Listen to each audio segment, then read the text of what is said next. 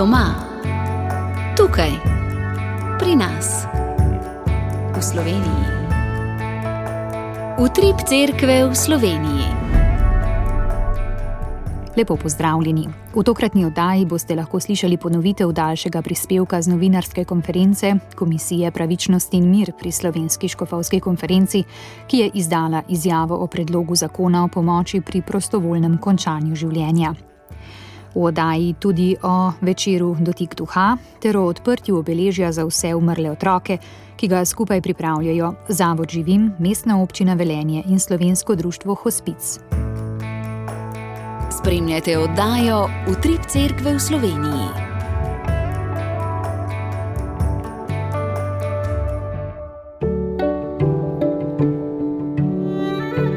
Radijska oznanila. Svetniki v tem tednu. Danes zgodujeta sveti Bonifacij mučenec in sveta Justina mučenka. Jutri se bomo spomnili Izidorja, kmeta, Pahomija opata in Zofije, Sonje mučenke. To bo svetovni dan družine in prošnji dan. V torek bo god svetih Janeza Nepomuka, duhovnika in mučenca, Andreja Bobole, jezuita mučenca. Godoval bo tudi Ubald, škof. Tudi to bo prošnji dan. Tretji prihaja v sredo na god svetega Jošta Puščavnika in Andronika Jezusovega učenca. V četrtek, na praznik gospodovega nebohoda, bosta godovala Janez I, papež in mučenec, in Felix Splitski mučenec. V petek bo god svetega Krispina, redovnika, Iva Bretonskega duhovnika in Petra Celestina, papeža. V soboto se bomo spomnili Bernardina Sienskega duhovnika in Hilarija Škofa. Nedelja čez teden dni bo sedma velikonočna, tudi nedelja sredstev družbenega obveščanja. God svetega Krištofa Magellanesa, duhovnika in drugih mehiških mučencev, ter Timoteja, diakona in mučenca. V današnjem gospodovem dnevu. Danes je torej šesta velikonočna nedelja, tudi nedelja turizma. Na Joštu, v cerkvi svetega Jošta nad Kranjem, bo ob 11. tradicionalna romarska maša. Na Bledu bo v cerkvi na otoku sveta maša ob 12. uri, 45 minut predtem bodite v pristanišču pod Vilo Bled in župnija bo poskrbela za brezplačen prevoz spletno. Srečanje pritrkovalcev zgornje gorenske pokrajine bo danes v Lescah ob 15. uri. Ob 80-letnici požiga cerkve svetega duha na hribu pa bo sveto Mašo v podružni cerkvi svetega duha na hribu planini pri Rakeku daroval upokojeni načkov stres. V logu pri Vipavi, v tamkajšnji romarski cerkvi Matere Božje toležnice žalostnih, bodo izvedli oratori Jožeta Trošta, Blaženi Anton Martin Slomšek ob 18. uri. Torek.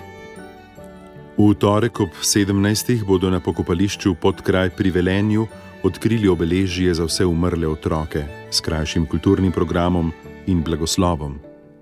Na Trgu Republike v Ljubljani pa bo v torek na predvečer 17. maja narodnega spomina na žrtve komunističnega nasilja spominska slovesnost ob 21. uri. Sreda.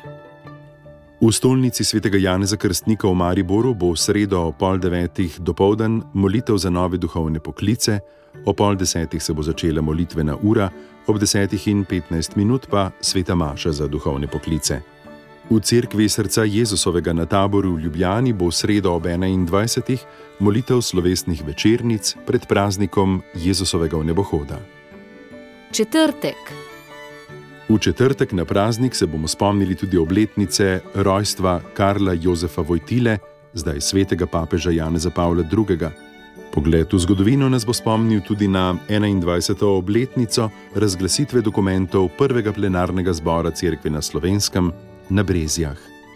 Slovesne svete maše bodo zaznamovale praznik, v Ljubljanski stolnici bo ob 18.30 minut mašo daroval Načkov Zore. Petek. V celju bo v petek ob 19. uri začetek posveta voditeljev oratorija. Večer o poeziji pa bo v galeriji Družina na Krekovem trgu v Ljubljani prinesel bo pogled na nemško poezijo, dva avtorja, dve pesniški zbirki. Sobota. V soboto bo v Ignacijevem domu duhovnosti v Ljubljani en dan za dušo. Dan, ki ga bo vsebinsko vodil pater Tomaš Podobnik. Seminar za bralce Božje besede za dekanijo Murska sobota bo v Murski soboti, v soboto ob 9. se bo začel, na Dobrovi pri Ljubljani pa bo srečanje prijateljev bolnikov in Roman v Lurd. Sveta Maša bo ob 14. uri, srečanje bo sledilo. Dan odprtih vrat doma Sveti Jožef v soboto vrata bodo odprli ob 16. uri, v Studenicah v Župnijski cerkvi Svetih Treh kraljev pa bo slovesnost ob 245-letnici prenosa relikvij rimskega mučenca Fidelija v Studenice ob 16. uri. V Veržeju v zavodu Marijanum bo romarski shod ob prazniku Marije Pomočnice ob 20. uri. Nedelja. Pri svetem Jožefu v celju bo v nedeljo ob desetih začetek tradicionalnega srečanja s svetomašo in blagoslovom motoristov in motorjev. Pri gospe Sveti na avstrijskem Koroškem bo v nedeljo ob enajstih sveta maša v slovenščini. Daroval jo bo rektor Tinskega doma Jože Kopajnik. Sledila bo priložnost za kosilo in kratek ogled Krnskega gradu, na to pa koncert duhovnih pesmi in slovesne slovenske šmarnice s petimi litanijami. Na Bledu bo sveta Maša na Majniško nedeljo tudi danes teden ob 12. V Veržeju pa v Župnijski cerkvi romarski shod ob prazniku Marije Pomočnice ob 14. uri.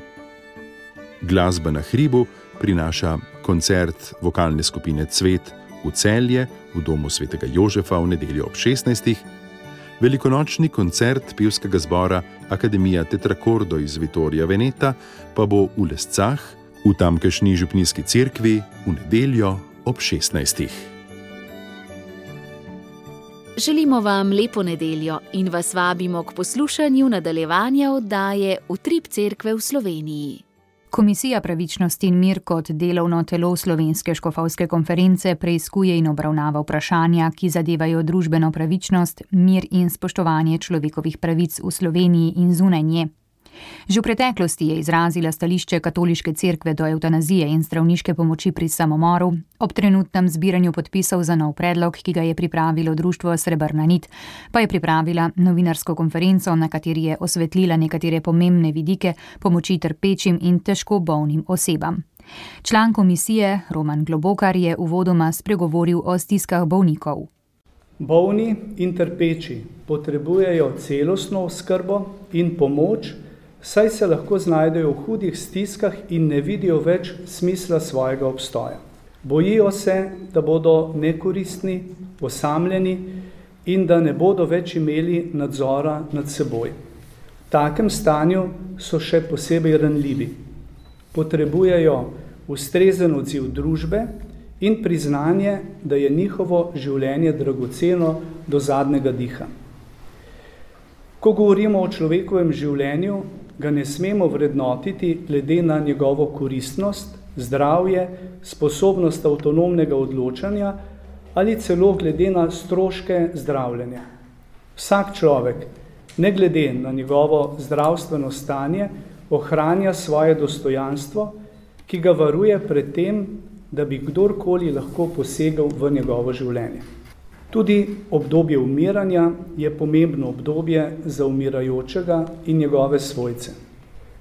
Za družbo pa je ključno, da preko ustrezne zdravstvene in psihosocialne podpore vsakemu človeku omogoča, da kakovostno preživi zadnje obdobje svojega življenja.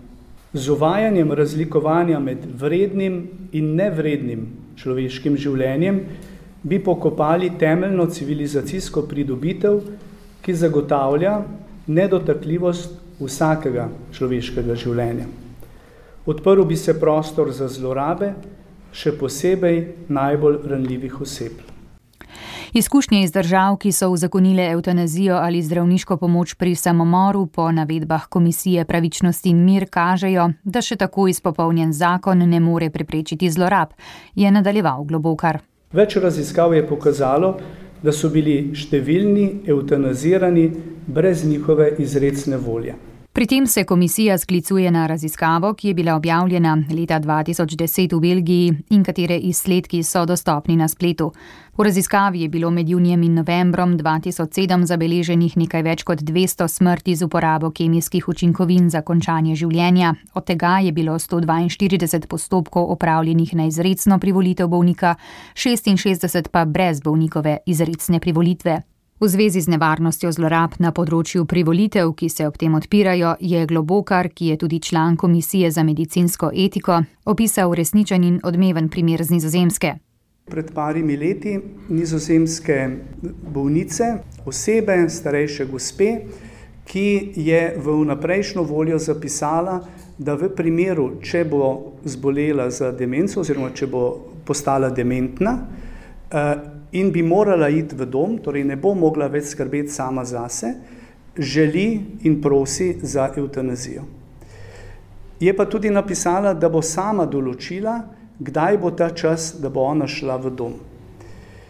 In dejansko je prišlo do te situacije, da gospa ni mogla več skrbeti sama zase in je, se je hčerka pravzaprav odločila, da bo uveljavila materino naprejšnjo voljo. In se je komisija je ugotovila, da je gospa res tako dementna, da ne more več skrbeti sama zase, da bi morala iti v dom, da ona tega ne želi, da je zapisala in da v takem primeru želi eutanazijo. In da so razlogi za eutanazijo pač izpolnjeni z vidika zdravstvenega stanja.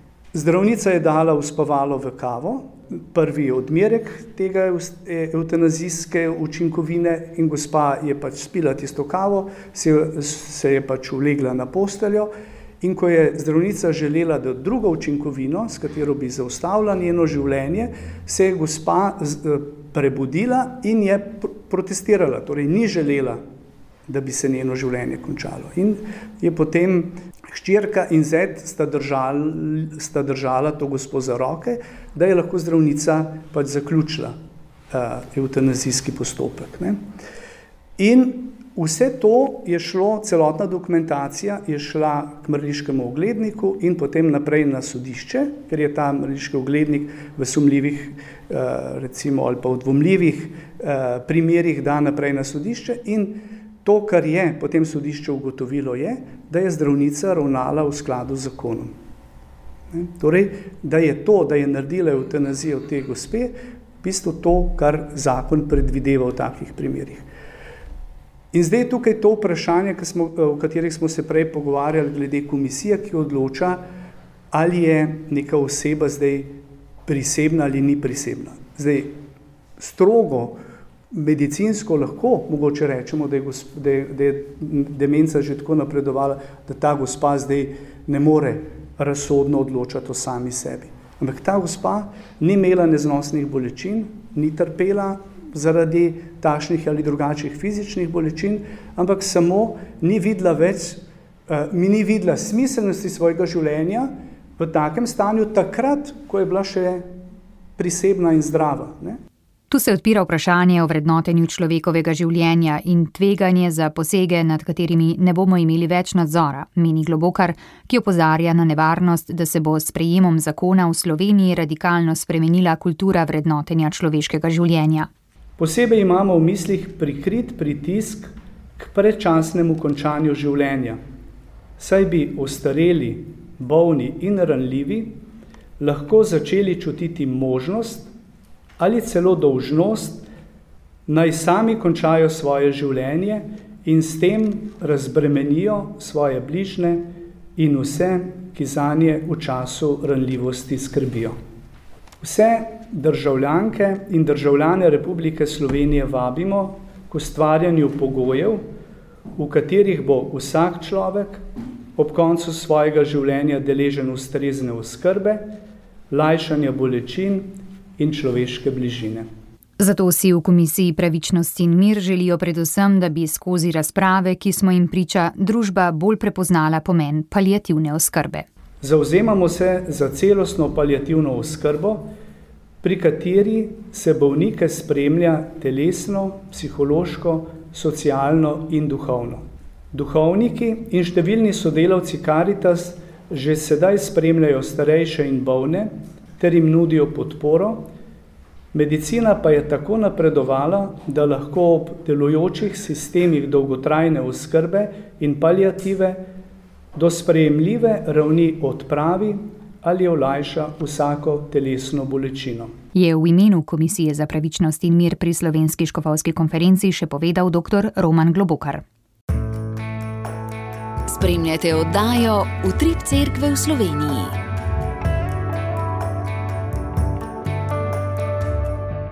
Darja Pečnik, direktorica Zavoda Živim, v torek pripravljate velik dogodek v Velenju, odprtje blagoslov obeležja vsem nerojenim otrokom. Zakaj gre, kako bo potekala ta slovesnost? Lepo zdrav. V današnji družbi smo navajeni, da smrt odrivamo tja nekam v odzadje. Marsikoga je pravzaprav v resnici sram žalovati. Še teže pa je, če je žalovanje povezano s smrtjo v času nosečnosti, to je spontani in umetni splav, lahko gre za izven maternično nosečnost ali pa mrtvorojenega. In ob izgubi otroka v teh zgodnih tednih nosečnosti imajo starši veliko krat občutek, da jim je žalovanje prepovedano oziroma jim je dovoljeno le za kratek čas, potem pa jim družba veliko krat pravi, da naj že gredo naprej. Ampak izguba otroka boli dlje časa in ne glede na dolžino trajanja tega otrokovega življenja, ker ima mama v srcu prostor za čisto vsakega od svojih otrok. In ker smo uh, mnogi starši, ki smo izgubili otroka v času nosečnosti ali po, po njej, skozi to pot žalovanja prišli do zavedanja, kako pomembno je, da imamo prostor, kamor lahko odnesemo to našo žalost, kjer se lahko spominjamo teh naših otrok, ki jih družba veliko krat ne priznava kot otroke, smo potem o podpori hospica se odločili na Zavodu Živim, da se obrnemo na občino Velenje s prošnjo za postavitev spominskega obeležja za vse nerojene otroke na bližnjem pokopališču. In uh, občina Velenje je uh, kmalo po srečanju, ki smo ga imeli, sprejela odločitev, da to uh, našo pobudo podpre in da financira projekt oziroma to obeležje. No? Kakšna pa je razlika, preden nadaljujeva o samem dogodku v torek, kakšna je razlika med spominskimi parki, ki so po različnih krajih po Sloveniji in tem obeležjem, ki ga boste blagoslovili? Spominski parki se nahajajo v bližini porodnišnic, zaradi tega, ker so namenjeni pokopu teh otrok. Na tem pokopališču to obeležje, ki ga bo financirala občina Velenje, pa je v bistvu prvo obeležje, ki bo tam, kjer ni v bližini porodnišnice. No, in tu starši ne bodo mogli pokopavati otrok, bodo pa lahko prižgali svečko, se usedli in potem uh, poklonili spominu na te svoje otroke. Na sliki smo lahko videli, da je obeležje zelo lepo. Kdo ga je izdelal, kaj predstavlja? Ja, res je. Že na prvem sestanku, ki se je po naključju, vemo, da na ključi ni, zgodilo ravno 15. Eh, oktober, to je mednarodni dan otrok, ki so umrli med dosečnostjo ali kmalo po njej. So vsi prisotni na tem sestanku strani občine pokazali res veliko mero sočutja za to predstavljeno tematiko. In vsi izvajalci, to je bilo vrtnarstvo Sadika iz Velenja in kamnoseštvo podpečan, so svoje delo opravili res zelo profesionalno in z občutkom uredili prostor in sodelovanje z njimi je bilo res izjemno. No. Ta prostor, tako kot ste rekli, je čudovit, je odmaknen, je obdan zelenjem in ponuja obilje miru za žalujoče starše. No. Tako kot sem rekla, ki bodo lahko ob tem obeležju posedeli in prižgali svečko. Kako pa bo potekala torkova slovesnost? Na torkovi slovesnosti, to pomeni 16. maja o petih popovdne, tako kot ste že omenili, bomo sodelovali vsi tisti, ki smo pač sodelovali že pri samem obeležju, to pomeni Zavod Živim, Slovensko društvo Hospic, predstavniki občine Velenje in predstavniki komunale. Vsak od nas bo podelil svojo izkušnjo pri postavitvi tega obeležja. Z glasbo bodo sodelovali otroci, potem pa bo na koncu uh, vseh teh govorov in teh, predsta pač teh predstavnikov, ki bodo spregovorili, tudi blagoslov tega obeležja, ki pa ga bo uh, blagoslovil celski škof dr. Maksimilijan Matjaš.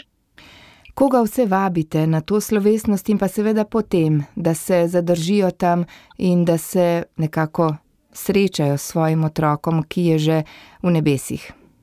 Ja, zagotovo v prvi vrsti starše, ki so se soočili s to izkušnjo izgube otroka, potem pa pravzaprav vse, ki imajo čas, dobrodošli, da se tudi srečate s temi starši, da počastite uh, spomin na te umrle otroke in da sodelujete pri tej otvoritvi tega obeležja oziroma predstavitvi tega obeležja javnosti.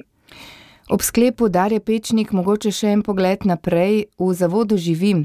Pripravljate konec maja tudi veliko mednarodno konferenco o nosečniških centrih Balkana. Zakaj gre, me zanima, kaj so pravzaprav ti nosečniški centri, tudi pri vas pripravljate nekaj podobnega.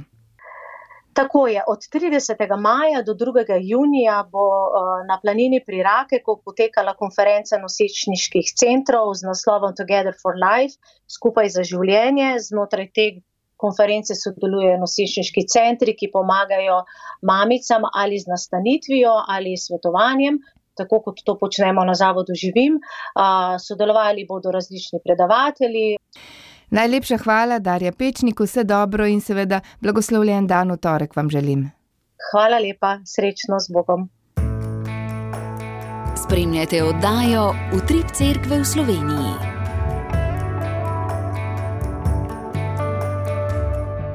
Prenova v duhu eh, znova vabi na večer z naslovom Dotik duha. Tokrat bomo povabili na večer, ki bo v torek 23. maja v cerkvi svetega Jožefa v Ljubljani z začetkom ob 19. uri in 45 minut. In v nadaljevanju nam bosta več o večeru povedala gospa Nina in gospod Blaž Bilban, ki jo lepo pozdravljam v našem studiu. Pozdravljeni. Dotik duha je večer, ki ga prenova v duhu pripravlja že nekaj časa, že nekaj let. Kaj prinaša ta večer vsem, ki se ga udeležijo, eh, kako poteka? Prenova v duhu ima seminarije za izlitje svetega duha in uh, iz tega ven uh, naša veručna skupina je ugotovila, da ljudje nekaj rabijo po tem seminarju, se pravi žive, življenje po duhu. Um, tako se je rodila ideja dotika duha, um, z veliko molitve, um, priprošnje k Bogu, da nam odpre, kje bi lahko delali. In um, tako se je rodil uh, ta dogodek. Uh, zdaj, uh, stvar je taka, da bo nekje 25 minut slavljenja za začetek, um, potem pride pričevalec oziroma poučevalec, pouč, poučevalka.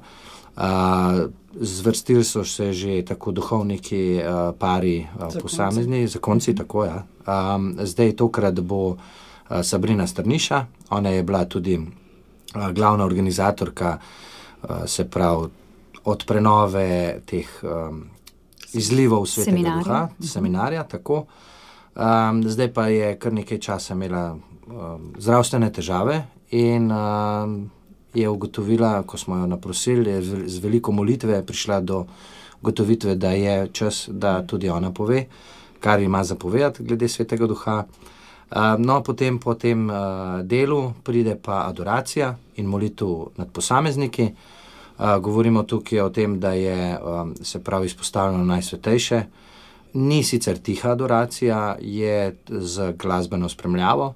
Začeli smo z desetimi molitvenimi skupinami oziroma molitvenimi pari, zdaj smo prišli na šestnajst, več jih ne spravimo v prostor, ampak očitno je velika potreba, ker to nas doskrat časovno celo malo uh, skrbi, da bomo prišli skozi uh, z dogodkom, mhm. ker toliko ljudi dejansko pride. Tako dober odziv, ste presenečeni. Smo gotovo veseli takšnega odziva, je pa kar presenet, presenečenje, ker že takrat, ko je bil seminar za izlitje, ko je bil en tak velik dogodek, lani je bilo to uh, jeseni, nismo resnici pričakovali toliko ljudi, bilo jih je čez 200, 300, jih je Okrog bilo. 300, ja. um, in tudi zdaj, jih prihaja 300, pa vedno so novi, te so sicer ostali, ki so, večinoma so tudi te, ki so bili že na tem seminarju, prihajajo pa vedno novi ljudje in smo zelo veseli takega odziva. Se pa vidi, da je potreba res velika in da ljudje res iščejo uh, Boga, da bi Bog res delal v njihovem življenju in tle se vidi, da je res. Um, Da smo na pravi poti in da se ti duh nas vodi. No. Je pa to v cerkvi svetega Jožefa v Ljubljani na Poljanah. Zaenkrat je tam. Uh -huh. Če bo pa še kje druge v Ljubljani, pa bomo še videli. No. Malo se pogovarjamo, da bi še kje druge naredili, ampak bomo videli, zaradi uh, prostora. Ja. ja, predvsem uh, je zelo logistično gledano, ker pridajo ljudje iz vseh koncev Slovenije, tudi iz mhm. Maribora, iz mhm. Prekmorja. Je nekako najlažje zaradi pozne ure, pa um, vlakov, pa tega, mm. da je nek tak prostor nekje blizu. Ampak še večji problem, ki ga smo opazili, je pa v tem, da dejansko ne obstaja nobena crkva, ki bi bila dovolj velika, da bi lahko sprejela toliko ljudi. Ker uh, recimo, ja, zdaj se je iz 300 celo proti 400 mogoče celo še nad 400 že, uh, dejansko vse klopi, vse stole, ki so v tej cerkvi, je vse polno. Kako pa ob tem še vidva, kot verujoča, doživljata ta dotik duha, bližino svetega duha, Nina? Ja, jaz moram reči, da že takrat, leta 2019, smo šli mi prvič skozi ta seminar za zlite svetega duha. Pa že takrat sem doživela res en tak, kar konkreten dotik mhm. Boga v svojem življenju zdaj pa sploh no, prek teh večerov tako, vem, tako mirno pride v srce en tak um, probožji, tak prav, dotik, prav dejansko dotik čutiš. No, kako, pa ko vidiš vse te ljudi, no, da v bistvu nekako tudi. Malo to odgovornosti, no, resnici do teh ljudi, ampak vseeno pa tako vidiš, kako res um, veselijo srcu. No, tako nekako vidiš, da so ljudje res potrebni tega in te, te razveseli ta, ki pridejo, pa, vid, pa vidiš, kako res potrebujejo te žive vode, Jezusove. No, da to je res en tak, res milosten trenutek, no, tako bom rekla. No, res. Blaž. Uh, ja, jaz uh, moram reči, da tukaj um, sem vsakič znova ponovno pretresen uh, nad močjo Boga, uh, kako deluje, uh, kako ko vidiš ljudi, ki bomo rekli na začetku, pridejo z nekim takim, bomo rekli, malo uh, zadržanostjo. zadržanostjo, tako ja, s takim, bomo rekli, malo resnobnim občutkom. Um, seveda je polni dnevnih, pa verjetno tudi malo daljših težav, pa življenjskih uh, problemov. Potem pa, ko vidiš proti koncu, ker zaključujemo, pa vedno tako, da še agape imamo, mm -hmm. torej mm -hmm. ni da bi nekaj prav veliko jedel, pa pil, ampak čaj ponudimo, pa še en piškot. Predvsem pa to, da bi se dejansko začeli kot skupnost skupaj um, družiti in da bi postali kot ena velika družina in recimo ta doživljaj skupnosti, krščanske skupnosti, kot je bila recimo v prvih časih, uh, to je recimo tisto, kar meni uh mhm. -huh. največ tukaj um, se mi pokaže, no, da, da smo dejansko že neka družina ratali, čeprav so novi ljudje in novi in novi. Uh, vedno bolj imam ta občutek domačnosti tukaj, da ljudje res začutijo, da so na pravem mestu in da je Bog tam zraven med nami. Um, tako da, ko pa sem kot molilc uh, zraven, moram pa reči, da takrat pa sem skoraj da ne v drugem stanju. No, bi rekel, res imam večkrat imam problem. Uh, s tem, da se ne čutim vrednega dovolj, da sem tam v tej vlogi, uh, ampak ker imam gospoda tako leč izraven, ne recimo uh, muštranco, uh, um, me vedno tako potolaži. Ne vem, če, če, če lahko kar direktno povem, dejansko se tudi, tudi izganjanja hudih duhov uh, se dogajajo. In ko to vidiš in ko to doživiš, ne moreš verjeti, da so besede, ki so zapisane v svetem pismu, čist take, kot so, ne da bi bilo kaj ulepšan. In ko to doživiš, vidiš, da se dejansko tudi danes, da ni danes manj teh, um, bi rekel, pos, pos, posesti demonov uh, do človeka, oziroma teh napadov, da je danes ravno tako, kot je bilo v Jezusovem času, ne? da je bilo veliko obsedenih, ampak ne razpoznamo tega. Na takih dogodkih se vidim, da hudič nima moči in da ga Gospod dejansko pokaže, ne, da se tudi mi lahko zavestimo to, da je še hudo, bi lahko rekel, vojna traja uh, med Božjim kraljestvom, pa bomo rekli zemeljskim. Ne. Gospa Nina in gospod Blaž Bilban, najlepša hvala za ta pogovor. Hvala. hvala. Večer dotik duha, torej v torek 23. maja ob 19.45 v cerkvi svetega Jožefa v Ljubljani ali pa 27. junija, ko bosta pričevala zakonca Čušin. Doma, tukaj, pri nas, v Sloveniji.